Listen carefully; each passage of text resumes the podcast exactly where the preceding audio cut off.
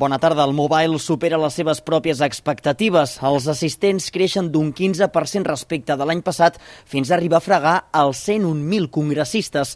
La patronal organitzadora, la GSMA, celebra aquestes dades i també la tipologia de visitant. Cada vegada venen a Barcelona més directius i els càrrecs d'arreu del món. Des de Fira avancen, però, que el recinte de Gran Via està arribant al seu límit i que caldrà trobar solucions per encabir més persones les properes edicions.